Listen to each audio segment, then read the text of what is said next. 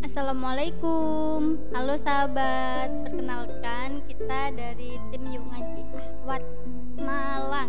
Di sini ada tiga rekan saya. Yang pertama ada saya Anggi. Saya Sakina dan saya Rika. Oke. Uh, di sini kita mau bahas tentang SM3T. Makanya di sini ada tamu spesial tamu spesialnya itu yang Mbak Rika itu tadi. Beliaunya pernah mengikuti program SM3T uh, Mbak Rika untuk yeah. pertanyaan pertama aku mau tanya nih. Apa sih SM3T itu? Apa itu SM3T SM3T itu sebenarnya singkatan ya. Mm-hmm. kepanjangannya adalah sarjana mendidik di daerah 3T daerah 3T nah daerah 3T itu singkatan dari terdepan terluar dan tertinggal pelosok gitu ya. Iya. Kalau redaksinya sih gitu. Mm. tapi biasanya nanti kenyataan yang kita temui di lapangan itu banyak TTT tambahan lagi. Masya Allah, Masya Allah ya. Terus abis itu syaratnya kalau mau ikutan ikut-ikutan SM3T apa sih mbak? Uh, sesuai judulnya tadi kan SM3T itu sarjana mendidik. Berarti program ini kan program untuk pendidikan. Nah, jadi syarat utamanya itu adalah sarjana pendidikan. Sarjana pendidikan, masya Iya, berarti harus sudah lulus kuliah dulu. Kalau bukan pendidikan nggak bisa ya, Mbak? Uh, kalau dulu sih nggak bisa mungkin nanti kalau ada lagi syaratnya ada dirubah mungkin bisa ikutan berarti se sejauh ini selama ini masih belum bisa ya mbak ya iya sejauh ini yang bisa ikutan itu hanya dari sarjana pendidikan saja oh, iya. sarjana pendidikan apa pun itu pokoknya dari PGSD kemudian PG PAUD juga ada kemudian pendidikan yang sudah menjurus kayak pendidikan geografi, ekonomi, fisika, biologi dan sebagainya itu juga banyak. Oh, iya. Bahkan iya. ada yang pendidikan luar biasa juga oh, ada yang ikutan. Oh iya iya iya. Oh syaratnya cuma berarti syaratnya cuma lulus kuliah dulu. Iya bener, lulus kuliah dulu itu yang utama. Terus sama ijazahnya ya mbak ya? Iya sama gelar yang didapat di ijazahnya itu harus SPD. Hmm, harus iya, iya. pendidikan mbak. Hmm, oh iya Allah ya Allah berarti saya nggak bisa nih ikut-ikutan udah teknik bukan pendidik lagi nggak apa-apa kan masih banyak program pengabdian yang lain. SM3T ini cuma salah satu dari program pengabdian yang bisa kita ikuti yang kebetulan ini dari pendidikan saja. Mungkin nanti kalau dari teknik dibikinkan lagi coba. Oh iya masya Allah. Ah, iya, pengabdian iya, untuk teknik. ah. iya betul betul. Nanti aku tak bilang ke kajurku ya buat ini pak ya khusus teknik arsitek nah. sama informatika itu nah Wah, itu kan masya Allah. juga dibutuhkan ya di daerah 3T itu di daerah pelosok kan butuh juga teknik-teknik itu. Peradabannya itu kan kalau teknologi itu kan susah ya. Kadang uh, kita masuknya itu harus pakai gadget. Kalau nggak ada gadgetnya kan juga susah gitu loh. Nah betul. Mungkin nanti itu bisa muncul uh, inovasi-inovasi baru dari yang keterbatasan-keterbatasan itu kan biasanya memunculkan ide-ide kreatif yang baru, yang out of the box, yang baru lagi. Oh iya iya iya, masya Allah. Gimana sih mbak ceritanya mbak Rika itu bisa sampai ikutan program STM3T itu tadi? Kalau ceritanya sih mungkin nggak spesial ya. Awal mulanya itu tahu SM3T dari mana gitu? Awal mulanya tahu ada program SM3T itu yang jelas dari kakak tingkat saya waktu kuliah. Oh, iya. Karena SM3T ini sendiri kan baru ada tahun 2011. 2011. 2011 itu tahun pertama saya masuk kuliah. 2011 sama masuk kuliah, terus itu angkatan pertama Angkatan SM3T. pertama SM3T. Oh, iya, iya, nah, dari situ tahun 2011, 12, 13 itu selama saya kuliah itu ada uh, kan biasanya ada seminar-seminar gitu ya. Hmm. Nah, waktu itu ada dari seminar alumni SM3T. Nah, di kebetulan UM iya di UM. Masya Allah, iya, iya. Di FMIPA dulu kebetulan waktu itu. Masya Allah. Jadi ada kakak alumni yang sudah mengikuti program SM3T, beliau sharing tentang pengalamannya di sana, hmm. tentang apa itu SM3T, bagaimana di sana, seperti apa yang akan kita temui. Nah, dari sharing beliau, dari cerita-cerita beliau itu memotivasi saya, eh saya pengen juga kayak gitu, saya pengen juga ke sana. Nah, seperti itu. Akhirnya saya terus mengikuti update-update informasi tentang SM3T itu. Berarti Mbak Rika lulus kuliah terus habis itu langsung ikutan SM3T gitu Uh, enggak juga ya. Waktu itu saya lulus kuliah kan 2015. Mm -hmm. Nah, SM3T ini pendaftarannya sekitar bulan Juli Agustus. Juli nah, Agustus, iya. saat itu kan waktu saya lulus kuliah ijazah nggak langsung keluar. Iya. Ijazah itu baru keluar sekitar bulan Desember, Novemberan lah ya, akhir-akhir tahun. Iya. Ijazahnya keluar ya. Nah, iya waktu saya mau daftar SM3T pas tahun 2015 itu uh, data saya itu masih terdaftar sebagai mahasiswa. Oh, jadi kan belum bisa ikutan. Iya. Nah, jadi saya harus nunggu satu tahun. Tahun 2016 itu baru bisa ikut. Itu pun udah was-was karena hampir ditiadakan program ini. SM3T itu tadi udah mau selesai, udah mau diberhentikan gitu, Mbak? Iya, rumor-rumornya waktu 2015 itu sudah yang terakhir katanya. Tahun 2016 itu sudah angkatan terakhir, udah nggak akan ada lagi. Terus kenapa kok dia sama itu ada lagi gitu? Waktu dia angkatannya sama itu kok bisa ada lagi? Alhamdulillah sekali sih, saya berterima kasih sekali kepada kakak-kakak alumni yang sudah menjalankan SM3T yang mereka tergabung dalam MSI atau Masyarakat SM3T Indonesia itu gabungan alumni-alumni yang sudah mengikuti SM3T. Mereka kan sudah merasakan pengalamannya, sudah merasakan manfaatnya untuk mengikuti program itu. Jadi mereka mendesak pihak kementerian, mendesak pihak atasan supaya mengadakan lagi program ini dan alhamdulillah disetujui 2016 dibuka lagi itu pun waktu itu kuotanya hanya seribu hanya seribu sebelum seribu padahal biasanya itu tiga ribu seluruh Indonesia dari beberapa LPTK itu kuotanya kalau tahun-tahun sebelumnya ya, angkatan 1 sampai 5 itu 3000 orang. Jadi 1000. Iya, tahun 2016 itu cuma dijatah dianggarkan untuk 1000 orang. Mungkin dananya nggak ada ini, Mbak. Iya, ya Allah. Nah, bisa jadi. Tapi alhamdulillah lagi karena waktu itu peminatnya juga banyak tahun 2016 itu sendiri yang daftar itu sekitar 21 ribu orang dari seluruh LPTK Indonesia. Iya. Ribunya hilang ya, 20 ribunya hilang ya. Nah, oh. itu mungkin karena mereka melihat peminatnya banyak sekali, akhirnya kuota yang diterima itu ditambah. Kita jadi tetap 3000 orang. Akhirnya tahun 2016 SM3T-nya masih tetap 3 ribuan orang. Oh, iya iya iya iya.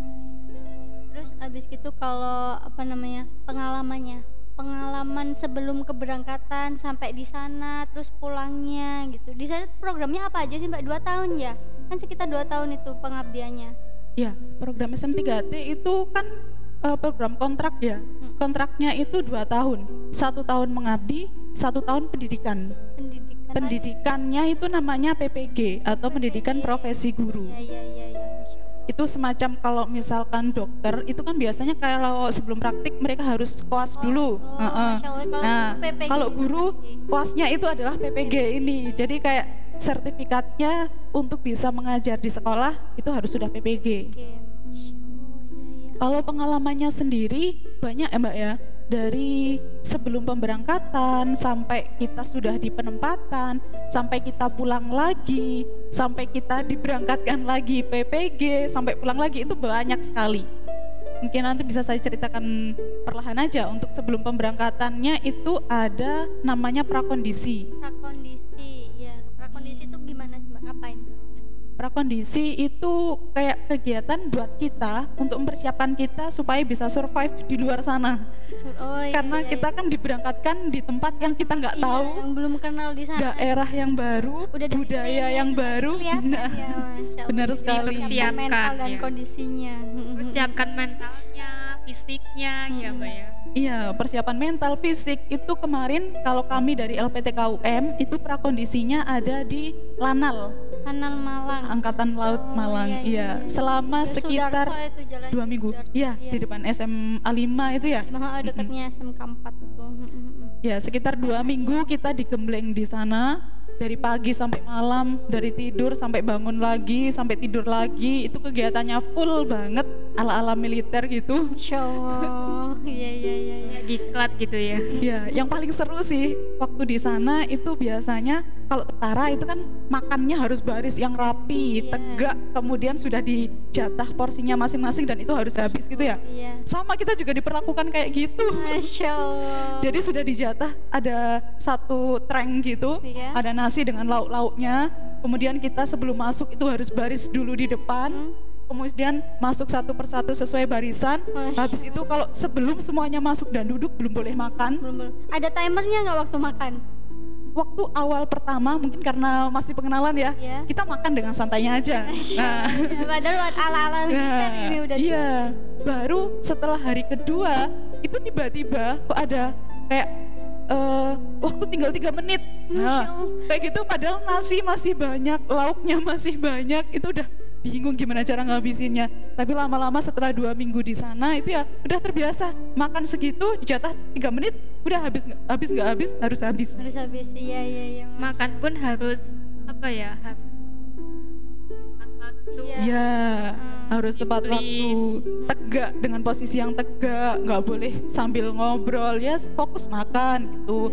Kegiatan yang lain juga kayak gitu sih ada kegiatan banyak kegiatannya ada pengenalan daerah sasaran juga. Itu gimana itu mbak yang pengenalan daerah sasaran itu? Pengenalan daerah sasaran itu uh, kita diperkenalkan dengan lima calon penempatan. Lima calon nah, penempatan di UM itu kan ada lima calon lima sasaran kabupaten mm -hmm. yang kita nanti akan disebar ke sana ke tahun 2016 kemarin UM dapat jatah ada Kabupaten Simelu. Simelu dan ada yang tahu di mana? Belum tahu saya. Di mana itu, Mbak? Kalau dari nama-namanya kira-kira daerah timur atau barat? Timur, timur. Kayaknya timur deh. Kalimantan apa Sulawesi gitu? Simelu itu ada di Aceh. Di Aceh, Masya Allah. Nah, di Aceh. Di Aceh sana. Kemudian selain Simelu ada Manggarai ada Manggarai di Jakarta ah. bukan yang kereta api Manggarai itu bukan Manggarai itu ada di Nusa Tenggara Nusa Tenggara kemudian Masya. ada lagi kabupaten penempatan saya mm-hmm. ada di Bualemo Bualemo pertama kali dengar ya betul sekali daerah mana itu Mbak Aceh juga Bukan. Bukan. Daerah. Bualemo itu ada di Gorontalo, Gorontalo Sulawesi. Sulawesi daerah utara dekat dengan Manado. Berarti pakai logat-logat Manado di sana? Ya, kesehariannya meskipun mereka ada bahasa Gorontalo sendiri, kalau untuk ngobrol sehari-hari sih mereka lebih sering pakai bahasa Manado. Oh iya iya iya. Ah kalau kalau kalau kita dengar-dengar biasanya ini ya Mbak ya orang Gorontalo itu biasanya keras-keras gitu. Apa iya Mbak ya di sana itu orangnya keras-keras gitu? Uh, daripada keras, mungkin saya lebih milih kata tegas. Kata tegas. Oh berarti orangnya lebih kayak tegas-tegas gitu. Uh, Cuma kalau ngomong itu mungkin ya, ya sebenarnya mereka nggak apa ya ya biasa aja. Mungkin kalau orang Jawa kita terkenal lemah lembut, kalau ngomong kalem gitu kan ya. Nah kalau mereka itu ngomongnya ya udah tegas langsung tek tek tek tek tek. Nah mungkin nadanya juga yang mempengaruhi ya. Di sana nadanya kayak tinggi gitu jadi kesannya kayak keras. Uh, uh, kayak keras, kayak orang marah bahkannya padahal ngingetin. padahal yang ngomong biasa. Uh, uh, uh, makanya tuh. Jadi kalau di sana bener, gitu. Jadi kalau di sana jangan baperan ya. bener. Kalau baperan nanti nggak bisa survive. Nah, selain Boalemo tadi sudah saya sebutin berapa daerah? ada Simelu, Manggarai sama Bualemo ya. Oh, nah, yeah. yang keempat ini masih tetangganya Bualemo. Tetangganya Bualemo. Ada Morowali Utara. Morowali nah, Utara. Morowali Utara. Sulawesi juga. Iya, ada di Sulawesi juga. Kemudian yang terakhir itu ada di Pegunungan Bintang. Pegunungan itu kita mendaki gunung lewati lembah sampai kayak gitu nggak mbak tempatnya? Pegunungan Bintang ya sesuai dengan namanya ya pasti banyak pegunungan-pegunungan gitu. Pegunungan Bintang itu ada di Papua. Di Papua, masya Allah. Masya Allah. Jadi penempatannya memang dari Aceh sampai ke Papua dibuat merata. Nanti dibagi banyak lagi. LPTK yang lain itu di kabupaten yang lain. Kalau untuk daerah Jawa Timur kena nggak sih mbak? Jawa nggak ada yang kena ya. Iya berarti emang dikirim ke daerah yang sangat T itu tadi ya. Iya kan pelosok. Nah kan ada syaratnya 3 T tadi. Oh ada syaratnya. Oh iya ya kalau nggak terdepan, terluar, tertinggal. iya. iya. Kalau nggak tertinggal ya nggak akan masuk list ya. Iya iya. iya. Karena mungkin di Jawa kan dianggap masih terjangkau. Mm -hmm. nah, jadi belum ada daerah di Jawa. Kebanyakan di luar Jawa. Kalau di daerah Sumatera itu kebetulan kebanyakan sih daerah Aceh, daerah barat sana. Kemudian Sulawesi, Kalimantan pun itu biasanya daerah-daerah yang atas, daerah-daerah utara yang tepi-tepi perbatasan. Nah, kalau daerah Papua itu banyak dari perbatasan yang paling barat sampai ke yang dekat dengan Papua Nugini itu ada. Masya Allah, kesulitannya itu apa sih? Pasti banyak menghadapi kesulitan dan rintangan dan tantangan. Tantangannya sendiri itu apa sih Mbak? Nah, kalau tantangannya bisa dibilang ya tantangan mengajar. Nah, mungkin iya karena kan namanya daerah 3T ya. Iya. Pasti uh, fasilitasnya banyak keterbatasan. Sedangkan dulu waktu kuliah, waktu apa namanya? Waktu praktek di kampus, praktek di sekolah, kita kan terbiasa di kota dengan ya, fasilitas yang lengkap. Nah, seperti itu. Kemudian harus mengajar di daerah 3T yang semuanya serba terbatas, bahkan ada yang enggak belum tersalurkan listrik, hmm. apalagi listrik, internet. Nah, itu enggak ada juga. Jadi ya paling adanya papan sama kapur. alat tulis, kapur atau spidol. Nah, gitu kan. Jadi ya kita tinggal gimana ya kreatif kreatifnya kita untuk menciptakan media pembelajaran yang baru. Dari apa-apa yang ada di sana kita buat untuk media belajar kita. Nggak harus yang alat elektronik itu nggak harus. Karena mereka sendiri kan nggak bisa ngakses. Makanya itu syaratnya itu harus tenaga pendidik ya harus SPD karena di SPD sendiri kan memang mereka udah di apa namanya udah dilatih untuk mengajar ya mbak ya. Makanya kalau teknik nggak ada Terus di sana tuh banyak muridnya, Mbak, banyak muridnya. Kalau di penempatan saya, ini mungkin karena daerahnya luas, jadi sekolah negerinya itu banyak. Dari SMP negerinya saja di satu kecamatan saya itu ada 12. Ada 12 Masya Allah, tapi kekurangannya 12 SMP apa, negeri. Kekurangan nah, sekolah itu apa? Karena daerahnya itu luas sekali ya. Iya. Jadi tiap satu sekolah itu mungkin melingkupi beberapa wilayah saja. Kalau di sekolah saya itu penempatan saya itu letaknya di lembah gitu ya. Hmm. Jadi dikelilingi kayak pegunungan-pegunungan gitu. Nah, di lembah itu ada sekitar 100 kakak kalau nggak salah. 100 kakak aja. Iya. Jadi sekolahnya di sana ya siswanya hanya dari situ aja. Jadi kalau di sini kayak daerah sukun gitu, berarti mm -mm, ya sudah bener. di sukun itu aja gitu. Iya benar. Oh, Dan waktu saya di sana itu jumlah siswa SMP-nya itu adalah 33. 33 siswa SMP kelas berapa? Apa semua se semua SMP itu cuma satu sekolah. Dari kelas 7 sampai kelas 9 itu 33 siswa. Masya Allah. Masya Allah. Untuk anak-anaknya sendiri tuh maksudnya dengan mudah menerima pembelajaran dari Mbak Rika sendiri, dari teman-temannya Mbak Rika M3T itu tadi apa ada kesusahan gitu Mbak mereka maksudnya kayak aku belum kenal ini Bu, aku nggak tahu ini Bu gitu. Kebanyakan tanya gitu mereka banyak taunya apa emang susah mengajarnya? Kalau misal susah mengajarnya itu enggak juga karena mereka itu open banget. Mereka open banget dengan hal-hal baru, dengan materi-materi baru. Kalau misalkan kita menjelaskan materi dengan istilah-istilah asing, mungkin kalau di perkotaan sini kan udah biasa ya, mungkin pakai bahasa Inggris itu ah udah biasa, dengerin lagu bahasa Inggris, nonton film bahasa Inggris itu udah biasa. Hmm. Nah, kalau misalkan di sana itu kita harus menjelaskan satu persatu. Harus kita harus menjelaskan benar-benar dari bahasa Indonesia yang dasar. Iya. Dari Kayak bahasa Indonesia. gitu ya biar iya, benar. sama mereka, masya Allah. Kalaupun misal kita menjelaskan, coba bayangin gini. Nah, kita harus mencari kisah atau mencari pengalaman yang menyangkut hal itu tadi sesuatu yang berhubungan sama yang kita jelaskan itu tadi ya? Iya itu harus sesuai dengan yang pengalaman yang mereka dapatkan. Oh masya Allah. Mereka kan nggak ada ini nggak ada internet jadi nggak bisa searching yang banyak gitu kan ya? Iya. jadi pengetahuannya kan terbatas hanya dari cerita orang tua mungkin iya. atau dari televisi mungkin. Iya. nah itu kan terbatas jadi kita yang harus pinter-pinter aja mencari celah dari pengalaman mereka. Oh, iya, iya, masya Allah pengalamannya yang paling seru? Pengalaman yang paling seru ketika hmm, apa ya ketika berangkat?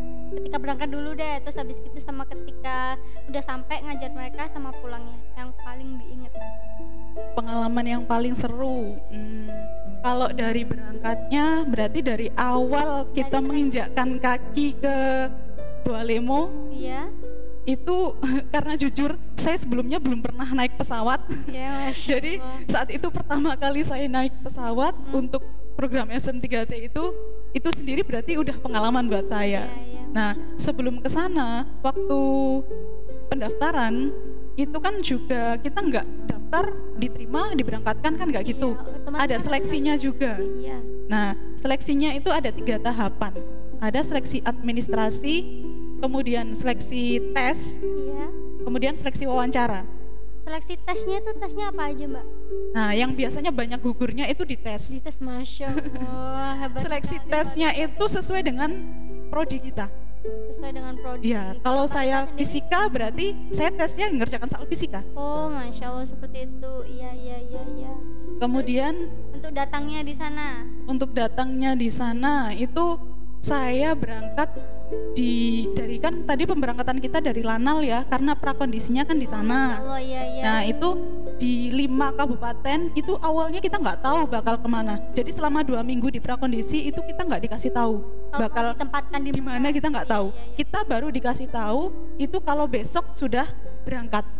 Oh, berarti berangkat besok, dari nah. rumah berangkat dari rumah Mbak Rika sama teman-teman ke Lanal. Dari Lanal nggak dikasih tahu mau berangkat di mana terus langsung diberangkatin gitu aja Iya, nggak, anu apa kita dari rumah ke Lanal itu emang nggak tahu apa-apa. Terus selama dua minggu di, di Lanal kita juga nggak tahu bakal ke mana. Mm -mm. Nah kita baru dikasih tahu ditempatkan di mana itu ketika besok sudah mau diberangkatkan ke tempatnya. Jadi misalkan hari ini hari terakhir di Lanal, iya. nah hari ini baru dikasih tahu Masya. kamu bakal berangkat ke sana, kamu bakal berangkat ke sana. Itu langsung berangkat nggak pakai pulang lagi ke rumah? Nggak pulang lagi Masya sudah.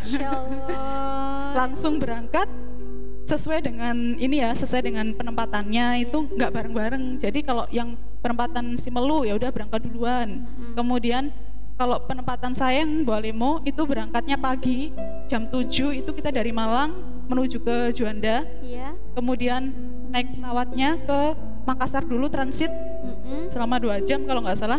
Habis dari Makassar kita lanjut ke Gorontalo-nya. Iya. Gorontalo kota ya, hmm. yang ada bandaranya. Iya. Kemudian dari sana nanti kita jemput dijemput sama dinas pendidikan di Bualemo. Iya. Nah, kita dijemput, kemudian dibawa ke Bualemo, kemudian iya. kita nyampe di Bualemo itu udah malam banget.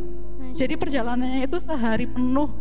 Kita berangkat pagi dari Malang sampai ke Bualemonya sudah malam. Jadi kita bermalam dulu di pusat kabupaten. itu, oh iya, ya, pusat, pusat kabupatennya itu. Iya, iya, Kemudian besoknya itu kita kayak ada penerimaan dari pihak sana gitu ya, serah iya, terima iya. dari LPTK dan kementerian ke dinas pendidikan di Bualemo. Setelah itu kita juga masih belum tahu kita bakal di SMP mana, di desa mana, kecamatan mana kita juga belum tahu. Iya, kalau kita KKN kan biasanya udah dikasih tahu ya di sini, di sini, di sini dan itu belum tahu maksud. Ya Allah, sama Ya, jadi Masya kita Allah. juga belum tahu nanti di sana itu bakal ada temennya enggak, bakal sama siapa, kita belum tahu. Iya, ya daerahnya kayak apa gitu, susah air apa enggak, panas apa dingin gitu. Dia kan udah ada kondisi itu tadi mungkin ya.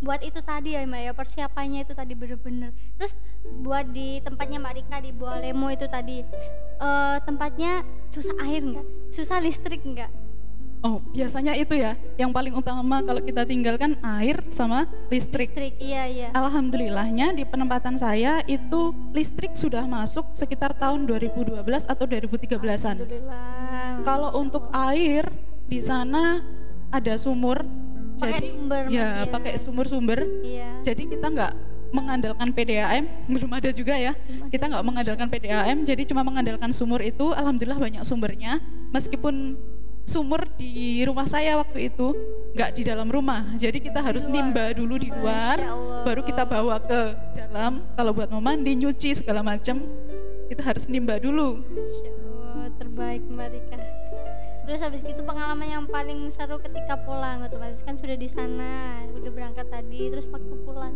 Aduh sedih sekali. Yang waktu pulang itu sama sangat gitu. Ya sangat pasti jelas sangat menyedihkan ya sangat sedih banget. Karena kita bakal meninggalkan siswa-siswa kita di sana tanpa tahu apakah bakal ada yang menggantikan kita di sana. Kita meninggalkan mereka dengan segala keterbatasannya di sana uh, waktu saya di sana SMP itu kalau di sini biasanya jumlah guru satu SMP itu kan ada sekitar 20 30 kan ya? Di sana itu ada tujuh atau sepuluh orang oh, gitu. aku kira lima orang masih mending itu sudah sama kita yang SM3T ya? Oh. kalau yang asli sana sekitar tujuh kayaknya kalau nggak lima jadi itu ada beberapa guru yang megang beberapa mata pelajaran. Berarti satu guru pegang beberapa mapel. Iya, ada yang dua sampai tiga mapel. Waktu itu saya juga sempat pegang. Saya kan sebenarnya dari fisika. Ya, iya. Berarti kalau di SMP ngajarnya kan IPA. Iya. Nah itu saya juga sempat pegang matematika, sempat pegang bahasa Masya Inggris Allah, juga. Masya Allah. Karena memang nggak ada gurunya. Oh, iya. Jadi harus siapa yang bisa handle ya kita handle masih belum terstruktur dengan rapi gitu ya mbak ya? Iya, meskipun negeri tapi banyak kurang kekurangan guru itu banyak sekali. Dan kalau misalkan kondisi hujan itu sering guru nggak hadir. Karena jalannya tertutup biasanya jalannya longsor jadi nggak bisa lewat. Jadi kalau siswa udah di sekolah ya bayangkan siswa udah sekolah berangkat dari rumah dengan semangat pengen belajar dapat ilmu baru dan nggak ada guru yang bisa mengajarkan itu masih kecewanya. Iya sayang sekali.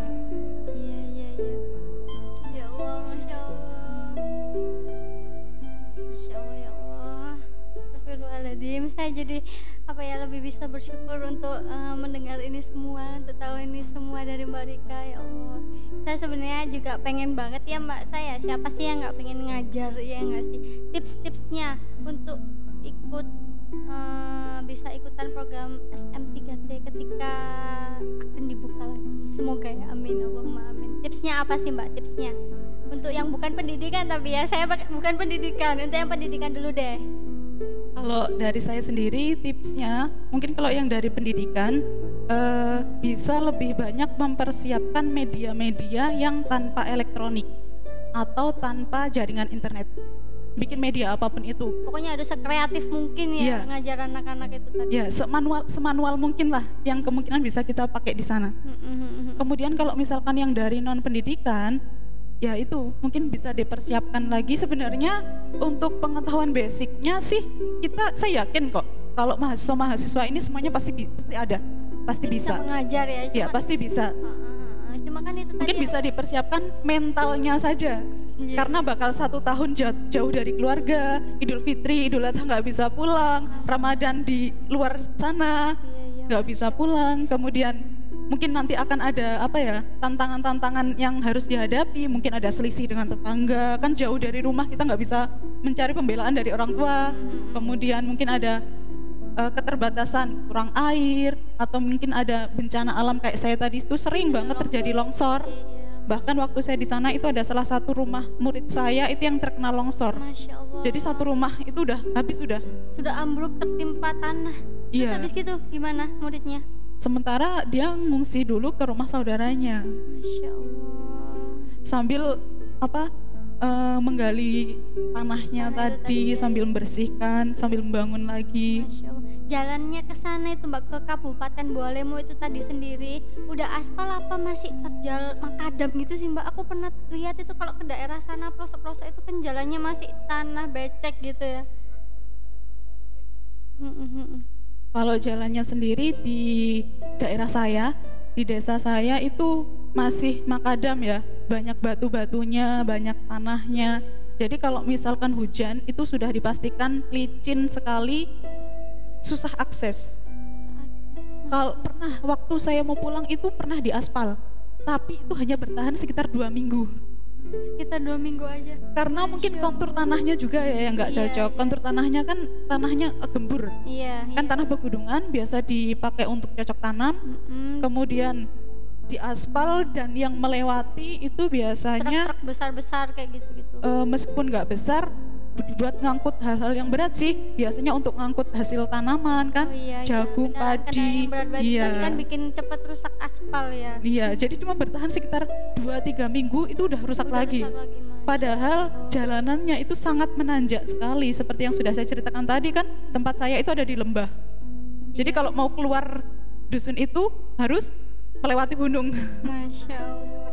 Naik turun gunung iya. Ya, Masya ya Allah kalau dari kabupaten pusat kabupatennya, dari kota kabupaten ke kota Gorontalo-nya sih sudah aspal semuanya yang jalan utama.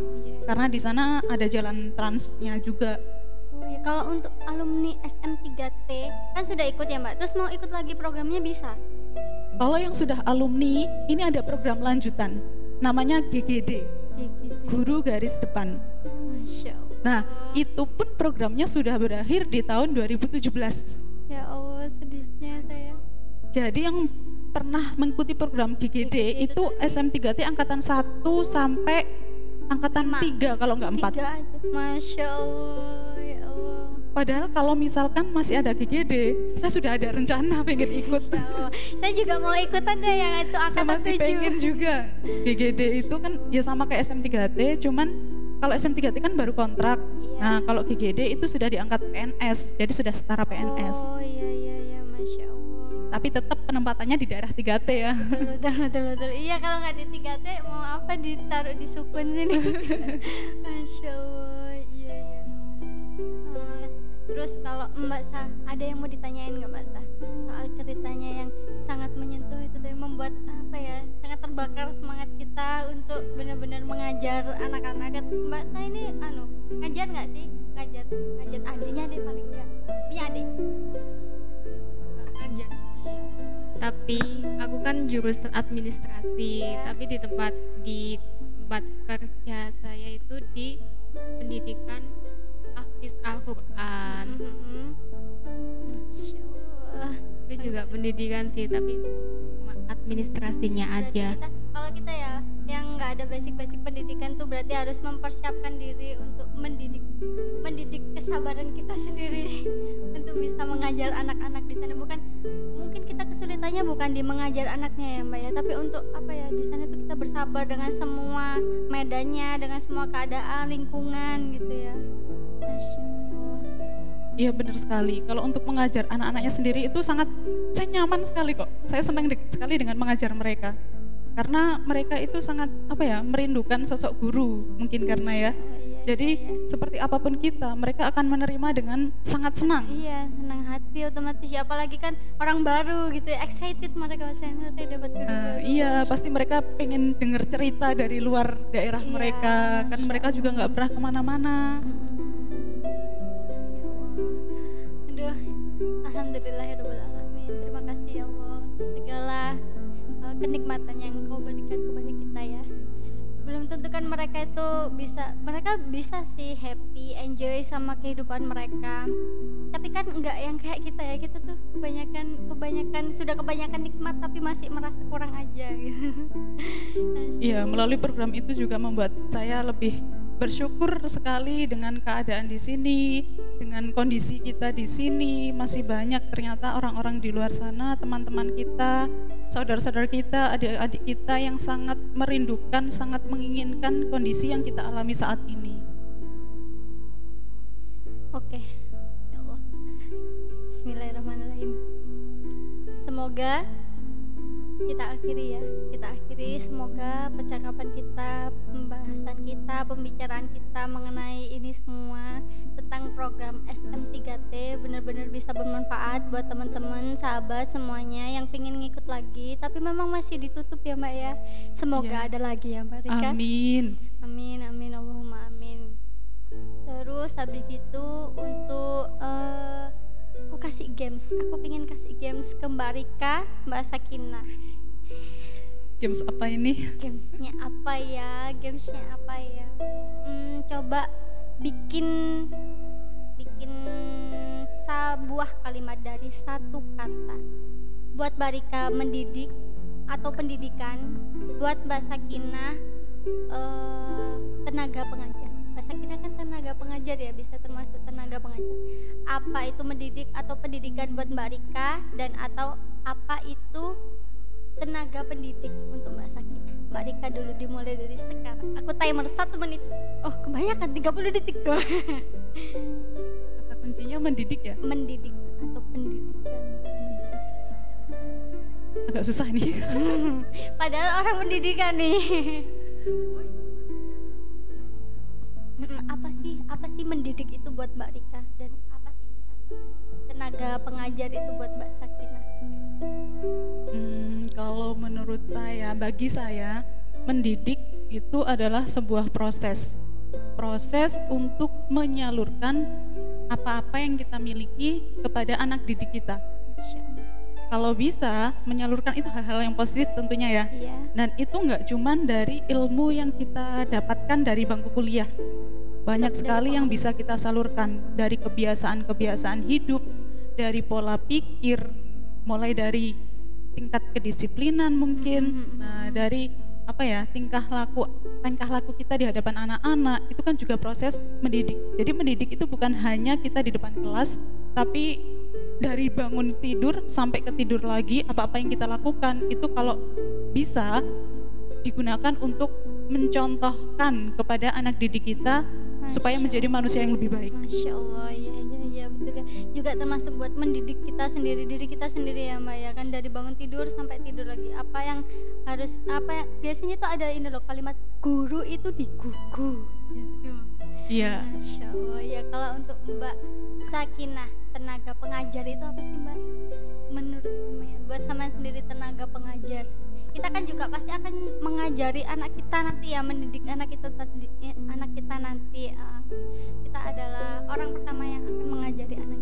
Apa tenaga pengajar buat Mbak Sakina? Kalau tenaga pengajar itu yang memfasilitasi yang uh, mendukung kegiatan mengajar gitu kan. Mm -hmm. jadi tenaga mengajar apa spesialnya tenaga pengajar kalau gitu spesialnya kita juga membantu mensupport gitu loh. Tenaga mendidik mendidik itu juga kan uh, nggak mudah. nggak mudah. Jadi nggak nggak bisa sembarangan orang gitu ya. Iya. Iya iya iya masya allah. Oke terima kasih sudah mampir di podcast kita kali ini. Jangan lupa follow follow ya semua sosmed sosmed kita. Apa aja mbak Sakina uh, kalau aku uh, maksudnya IG ini sosmednya yuk ngaji. Sosmednya yuk ngaji. Kalau di IG ada Instagram kita namanya apa Mbak Sekina? Yuk, yuk ngaji Malang. Facebooknya yuk ngaji Malang juga. Oke terus kita ada kalau pingin kita tuh yuk ngaji itu di sini tuh regional ya Malang itu. Ada yuk ngaji Jogja ada yuk ngaji yuk ngaji yang lain. Buat teman-teman juga yang di luar Malang pingin ikutan yuk ngaji. Kalian bisa searching mengenai yuk ngaji daerah kalian sendiri. Masya Allah semoga ya kita semua bisa menjadi satu uh, dalam yuk ngaji ini tadi dalam memberikan informasi-informasi yang sangat bermanfaat untuk sahabat-sahabat semuanya. Jangan lupa pokoknya follow sosmed kita semuanya. Dari mulai IG, Facebook, website kita juga ada kok. Tapi anu yuk ngaji ID ya bukan yuk ngaji Malang. Hmm, selamat hari apa ini Sabtu. Oke, selamat hari Sabtu Mbak Rika, Mbak Sakina dan buat sahabat-sahabat yang lain. Saya assalamualaikum dari kita. Coba Mbak Sakina, saya assalamualaikumnya. Assalamualaikum warahmatullahi wabarakatuh.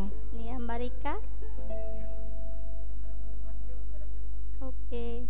And stay strong for dakwah and keep istiqomah. Taat bahagia. Sengsara. Assalamualaikum warahmatullahi wabarakatuh.